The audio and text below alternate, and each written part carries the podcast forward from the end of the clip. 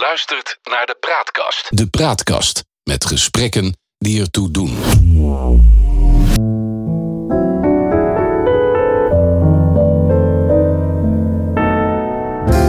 Welkom bij de Praatkast.nl. Dit is een aflevering van het Geheugenpaleis. Mijn naam is Jon Knierim en samen met Han van der Horst maken we deze podcast. De geschiedenis die haalt zich nooit, maar rijmen doet hij vaak wel. En in het Geheugenpaleis gebruiken we dat gegeven om dieper in te gaan op de actualiteit.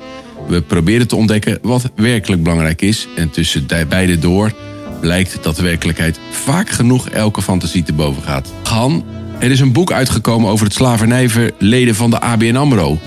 Moeten we het daar echt over hebben? Of, ja, weet je, als zelfs een bank woke is geworden... dan raak ik het spoor een beetje bijster. Nou, zo woke zijn ze ook weer niet geworden. Wat ze wel hebben gedaan is een onderzoek uh, in opdracht gegeven aan het Internationaal Instituut voor Sociale Geschiedenis in Amsterdam naar de betrokkenheid van die ABN Amro Bank, althans de rechtsvoorgangers daarvan bij de slavenhandel. Want dat was nog niet uitgezocht. Er zijn zeer uitgebreide geschiedenissen van de Nederlandse mm. banken uh, verschenen in de zeg maar, afgelopen eeuw. Maar daarin wordt nauwelijks aandacht besteed aan de betrokkenheid bij de slavernij. En uh, de ABN AMRO heeft in het huidige tijdsgevricht nou eenmaal veel klanten die daar belangstelling voor hebben en daarna vragen. Dan laat je dat uitzoeken. En daar zeg je wat, het huidige tijdsgevricht. Ja. Wat is dat toch dat wij allemaal zo collectief ineens bezig zijn met ons foute verleden? Nou, dat uh, komt omdat wij ons daar rekenschap geven. Dat uh, getuigt van de volwassenheid van de Nederlandse samenleving. Uh, dat wij mm. geen juichverhaal nodig hebben om een goed zelfgevoel erop na te houden. En om uit volle kracht Nederlander te zijn.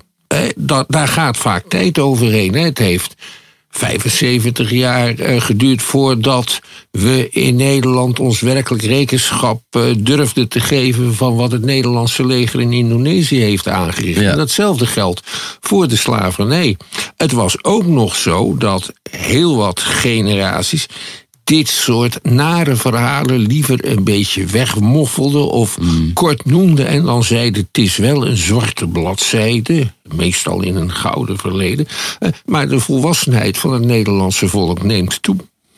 Is het dat de volwassenheid toeneemt of is het de druk eh, van mensen die eh, zich ineens wat meer bewust, wat meer zelfbewust zijn geworden, die toeneemt, waardoor de de foute mensen zoals jij en ik, blanke mannen van boven de 50, uh, ineens denken van nou, we hebben wel goed te maken. Ik heb toch het idee dat het een beetje ja, door de hele woke druk, druk ontstaat. Ik had van de week had ik een gesprek met mijn zoon.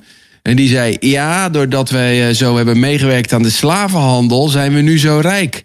En dan denk ik, ja, natuurlijk heeft dat wel bijgedragen. Maar vergeten we dat tot, tot diep in de vorige eeuw er nog ja, misschien 30, 40, 50 procent van de mensen het gewoon arm tot zeer arm had. Dat, dat slaat toch helemaal de verkeerde kant op door?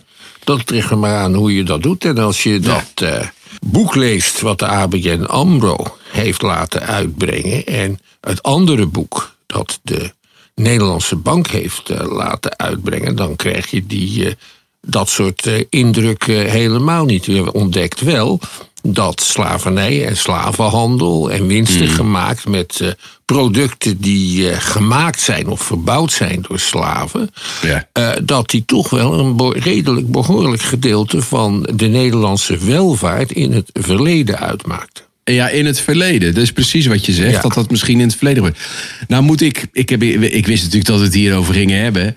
Dus ik heb dat, dat, dat uh, rapport, dat onderzoek van de ABN AMRO ook gelezen. En mijn eerste reactie was een beetje, hè, voordat ik het ging lezen zoals ik ook deze podcast uh, begin, een beetje verontwaardigd. En ik vind het, vind het prima. Ik denk dat wij veel te vaak onze ogen gesloten hebben.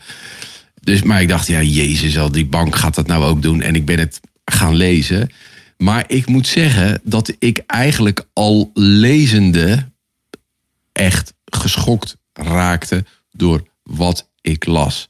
Door de wijze waarop banken andere mensen, over het algemeen vaak zwarte mensen of donkere mensen, ik weet niet wat je in deze woke tijd, eh, hoe je dat moet omschrijven, hoe ze als goederen behandeld werden. Ik werd echt zo verschrikkelijk boos toen ik het las. Dus ik moet wel zeggen dat ik een soort werdegang heb gemaakt.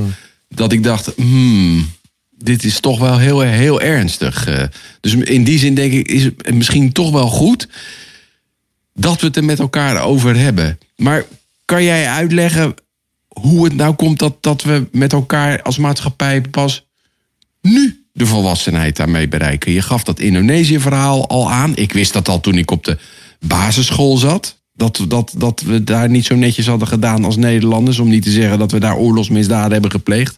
Uh, de hele slavernij. Uh, waar, waarom komt dat nu op? Wat is dat in de maatschappij? Ik denk dat we als burgers met z'n allen een stuk kritischer zijn geworden. Mm. Wat uh, de hoge heren ons proberen wijs te maken. He, dat wijsmaken in de tijd van de verzuiling. Dan geloofde je wat de baas van jouw eigen zuil.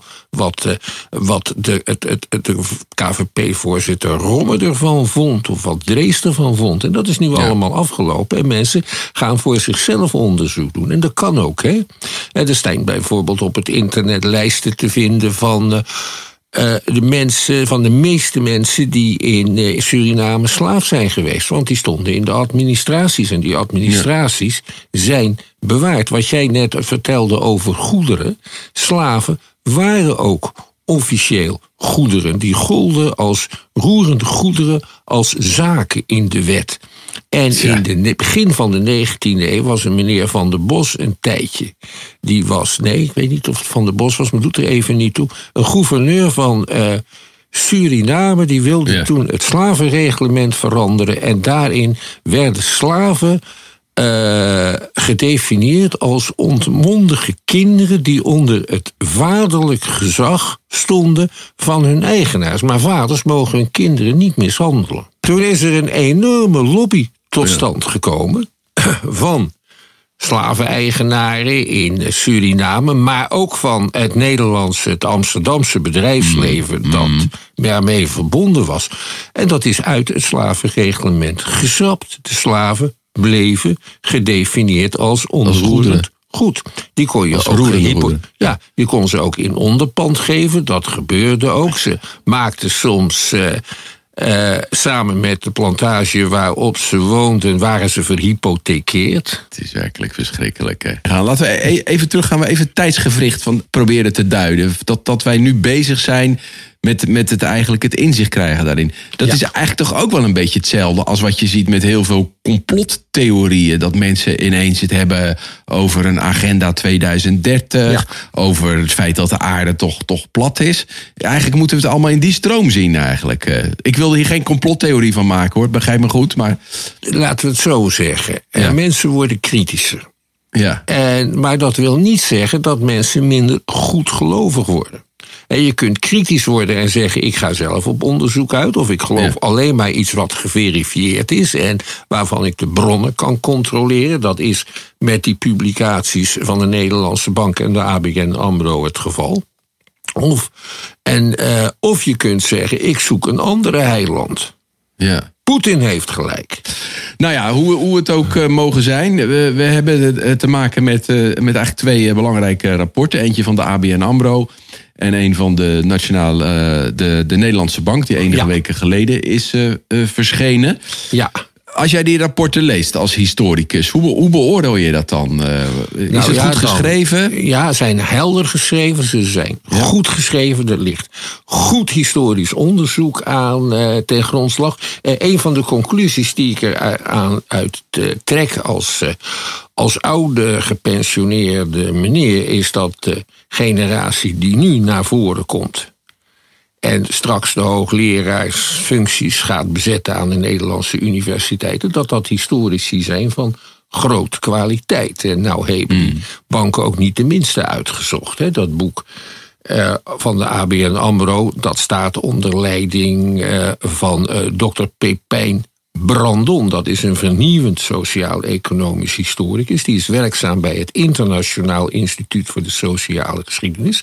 Daar ja. hebben niet zoveel mensen van gehoord. Maar dat is een groot, die is gevestigd in een groot gebouw in Amsterdam. En dat is het grootste archief ter wereld over sociale bewegingen. En tegenwoordig ook oh, bevat het heel veel bedrijfsarchieven die ze geschonken hebben gekregen. Daar ligt het, het hele archief van Karl Marx bijvoorbeeld, maar ook van de PVDA en van de SPD en heel veel uit de Spaanse burgers. Heel indrukwekkend archief waar heel goede historici werken en mensen uit heel de wereld naartoe komen om onderzoek te doen. Dus die Pepijn Brandon is geen kleine jongen, anders word je daar niet in dienst genomen. Nee. maar goed, hij heeft die opdracht gekregen van de ABN AMRO om uh, te gaan onderzoeken. Nou is het vaak zo bij dit soort onderzoeken dat wie eh, betaalt uh, bepaalt. Is dat terug te zien in het rapport dat de ABN AMRO zich ermee bemoeid heeft?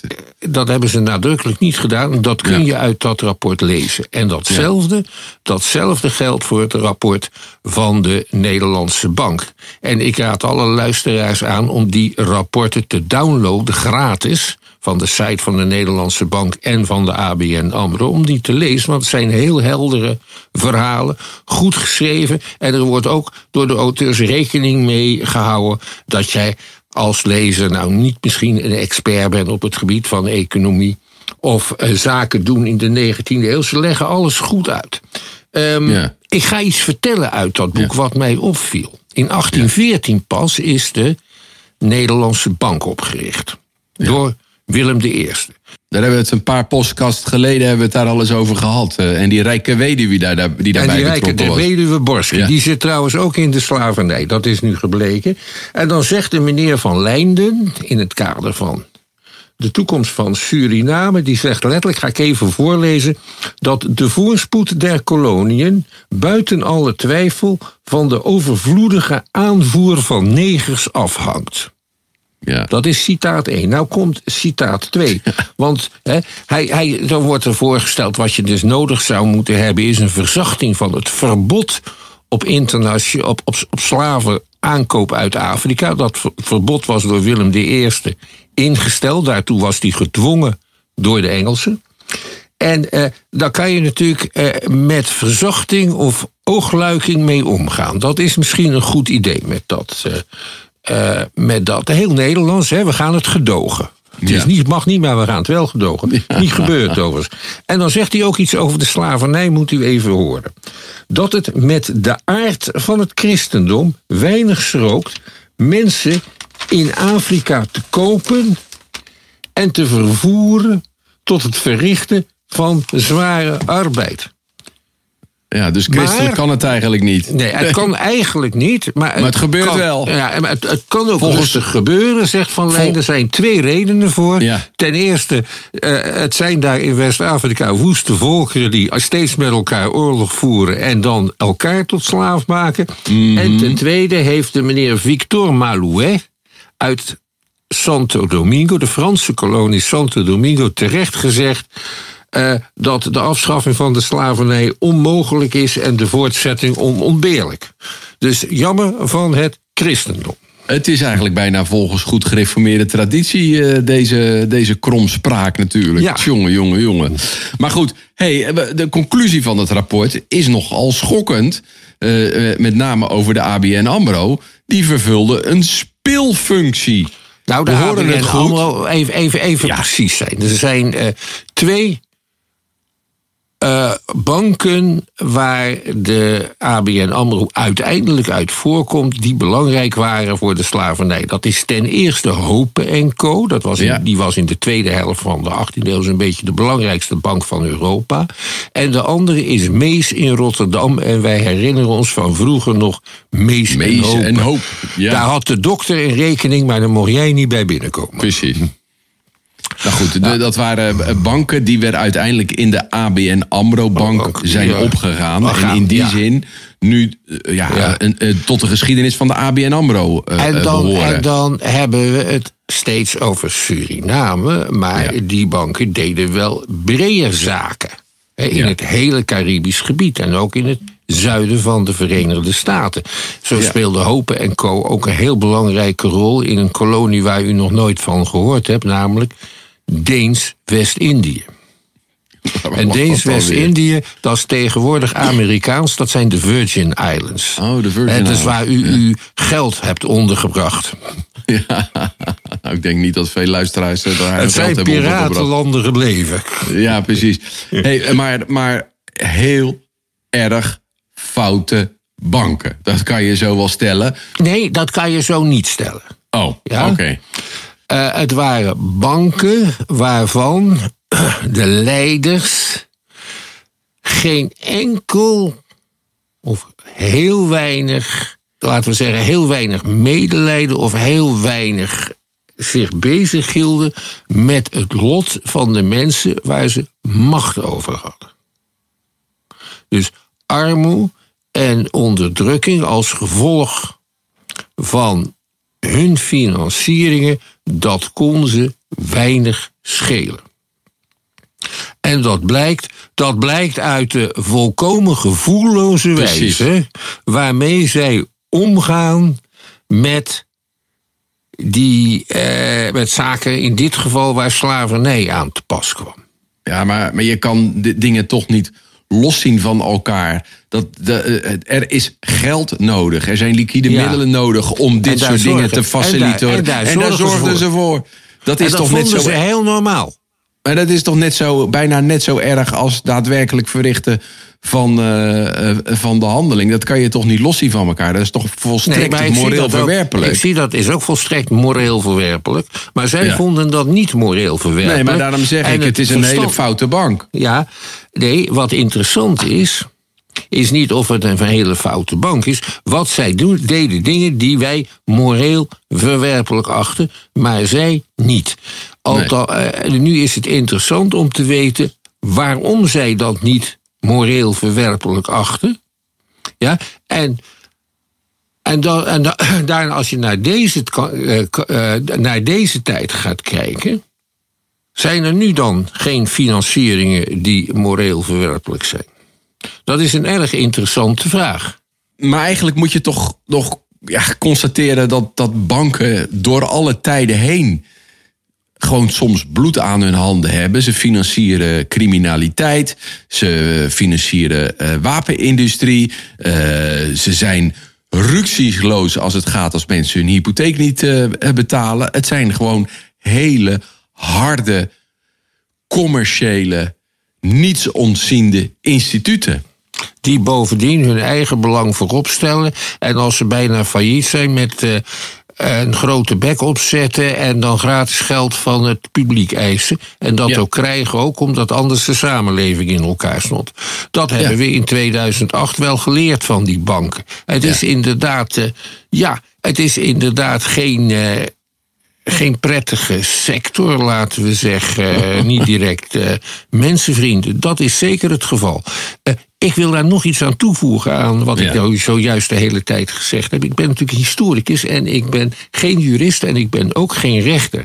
En het belangrijke van dit soort onderzoekingen die we nu bespreken, is dat het historische onderzoekingen zijn. Het gaat over wat is er gebeurd en waarom is het gebeurd. Maar het zijn geen rechtszaken. Nee. Dus het gaat er niet om om uit te spreken wie schuldig is en wie niet. Nee. Nou ja, daar, daar heb je wel een punt. Uh, uh, want uh, het is heel makkelijk om ja, naar de geschiedenis te kijken en een moreel oordeel te vellen over de mensen in uh, Berenvellen die zich uh, op een verkeerde manier uh, hebben gedragen. Maar dat gaat natuurlijk ook een beetje voorbij aan, aan, aan de tijd waarin het zich afspeelde. Dus ik begrijp dat je dat als historicus wel zegt. Toch is mijn gevoel wel dat de maatschappij wel een behoorlijke behoefte heeft aan het in het reinen komen met dit verleden. Ja. ja, en dat is een goede zaak. Ja. Het zijn ook heel interessante rapporten om te lezen en je leert er heel veel van. Ja, wat heb je er dan zoal van geleerd? Wat zijn wat, opmerkelijke bevindingen die je tegenkwam? Uh, hoe dat uh, allemaal ging. Zit, ik, ik, ik vind vaak veel diepgang in anekdotes en incidenten. Er komt een slavin Christina voor. Die zit in Demerari. Dat is tegenwoordig uh, de onafhankelijke staat Guyana, ooit een Britse kolonie, maar ook uh, lang in Nederlandse handen geweest. En die Christina, die uh, heeft tijdens de overtocht uit Afrika het bed gedeeld met de kapitein van het slavenschip.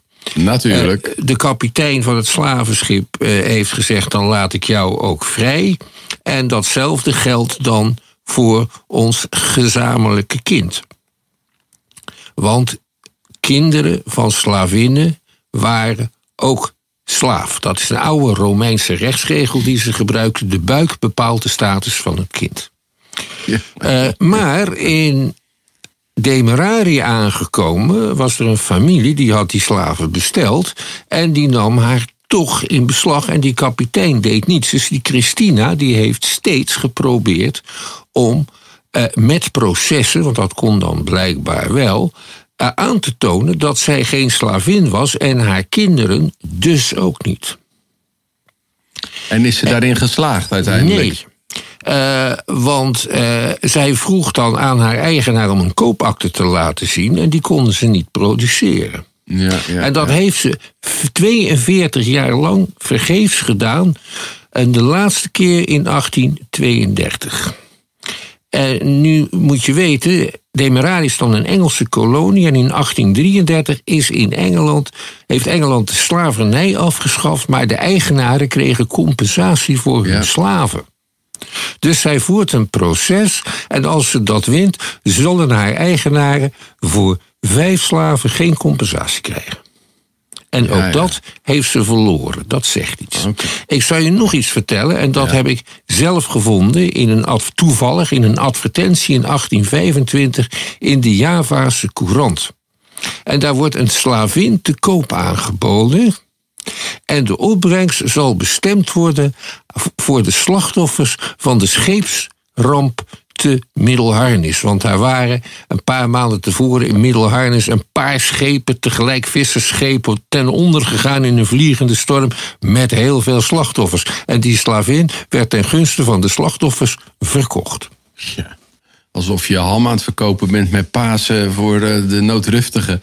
Het is echt wel, ja, het is, je Ja. van de ene verbazing in de andere. Het is eh, heel apart bijzonder om dat allemaal zo eh, te zien. En hoe, hoe, hoe schokkend het ook is. Ja. Nou zegt eh, Klaas Knot eh, van nou ja, het, het hakte er nogal in. En we gaan misschien wel in de komende maanden ons excuus aanbieden. Waarom doet hij dat nou niet gelijk? Eh, uit voorzichtigheid en omdat hij eh, bang is dat dat allerlei gevolgen eh, zal hebben. Ja. De ABN AMRO hebben die, heeft die excuses wel aangeboden. Dat had ook makkelijk gekund. En gezegd dat ze een gebaar willen maken. En nou weet ik wel een geschikt gebaar voor dit soort bedrijven om te maken. En wat zou je dan voorstellen? Je roept een stichting in het leven die Ja. zich bezighoudt met emancipatie van Ja. mensen en armoedebestrijding en opleidingen geven aan eh, kinderen uit arme milieus, laten we zeggen in het Caribisch gebied, die heel talentvol zijn. Allemaal dat soort zaken. Ja. En die Dat is een je beetje zelf- overgewaaid uit Amerika, ja, in? Amerika heb je dat soort dingen heel veel. Daar hè? hebben grote bedrijven, je weet, in Amerika zijn grote bedrijven doen veel meer aan maatschappelijk werk dan bij ons. In Nederlandse bedrijven zeggen we betalen al genoeg belasting. In Amerika vertellen ze dat niet. En daar heb je bijvoorbeeld de Rockefeller Foundation.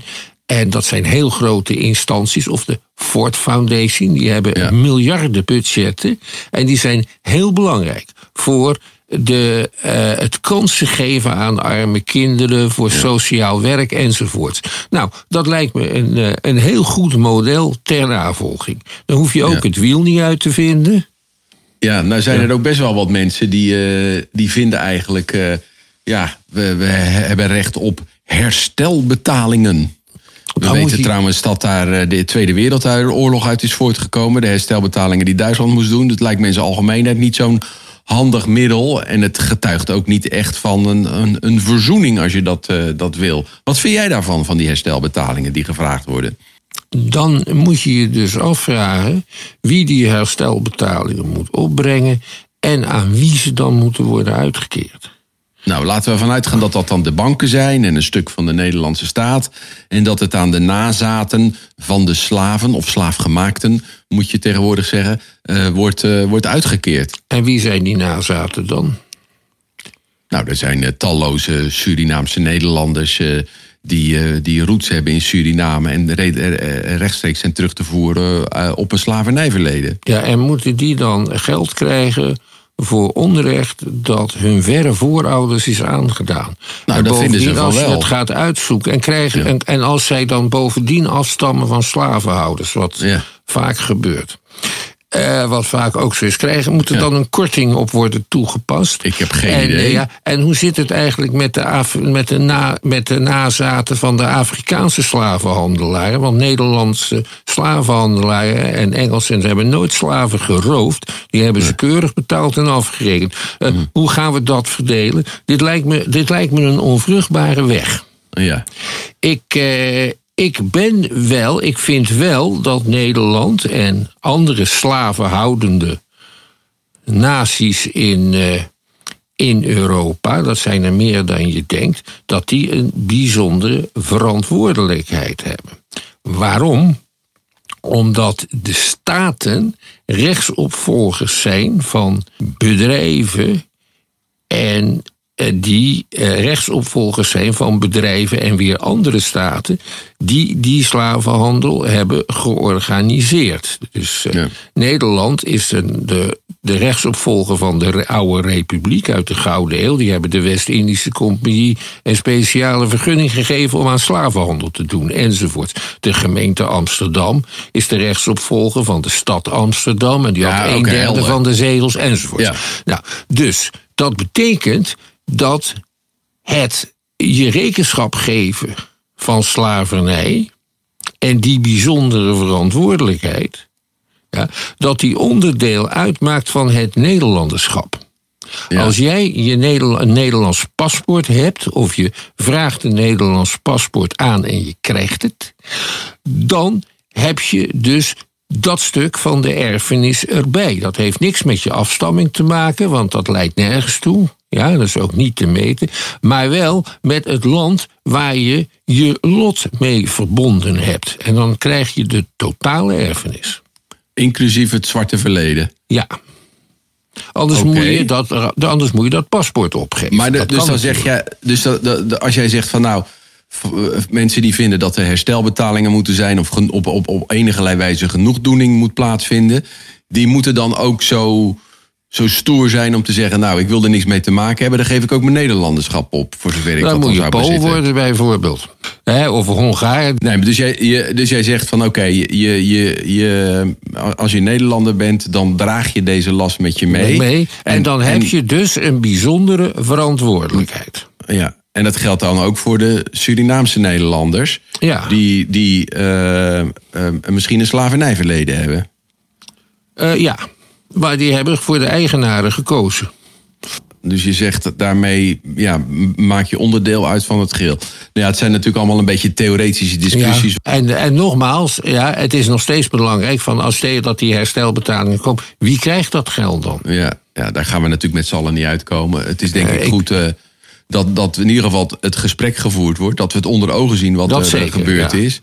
En, en dat we met elkaar proberen tot verzoening te komen. En ervan Ja. leren dat zoiets nooit meer mag gebeuren. Maar dat is, dat is, dat is een te magere conclusie. Hè? Oh, hoe, hoe, maak hem dan eens wat vetter. Er is heel veel on- onrecht in de wereld, Ja. niet acceptabel. Er is ook heel veel slavernij in de wereld. Nog steeds. Meer dan ooit. Ooit, ja. Ja? Dus dat zijn, dat zijn allemaal thema's waarmee je je bezig kunt houden. En het is inderdaad nog steeds zo dat als je naar het Caribisch gebied gaat kijken, dan zijn daar economieën die, te, hè, die zich eh, in hun ontwikkeling gefnuikt worden. En eh, dat is niet eerlijk en daar heb je een bijzondere verantwoordelijkheid over tegenover die landen. Zo eindigen we toch een beetje woke eh, op, eh, op deze Nee, manier. dat is helemaal denk- niet woke, dat is fatsoenlijk. ik heb trouwens een hekel aan de term woke, hè, die moet je niet gebruiken. Dat Oh. is net zoiets als politiek correct. Ja. Eh, woke is een scheldwoord geworden. Nou, laten we daar de volgende keer over hebben. De hele opkomst eh, van het woke en het woke eh, denken. Moeten het hierbij laten met eh, deze aflevering van het Geheugenpaleis. We maken dit in samenwerking met de Praatkast. En alle afleveringen zijn te vinden op www.praatkast.nl. Abonneer je vooral op onze podcast. Dat vinden we leuk. En dan krijg je automatisch een bericht wanneer een nieuwe aflevering online komt. Wil je ons mailen, stuur een bericht aan info.praatkast.nl. En op de praatkast.nl zijn nog veel meer podcasts te vinden van de Praatkast. Bijvoorbeeld Geert Denkt Door. Dat is de podcast waarin Geert Dales zijn ongezouten mening over politiek en bestuurlijke kwesties niet onder stoelen of banken steekt. Zijn periodieke publicaties vanaf zijn eigen site staan hier bij de Praatkast online in podcastvorm. Nu te vinden bij praatkast.nl. Voor nu bedankt voor het luisteren en tot de volgende keer. Wees gelukkig, blijf gezond.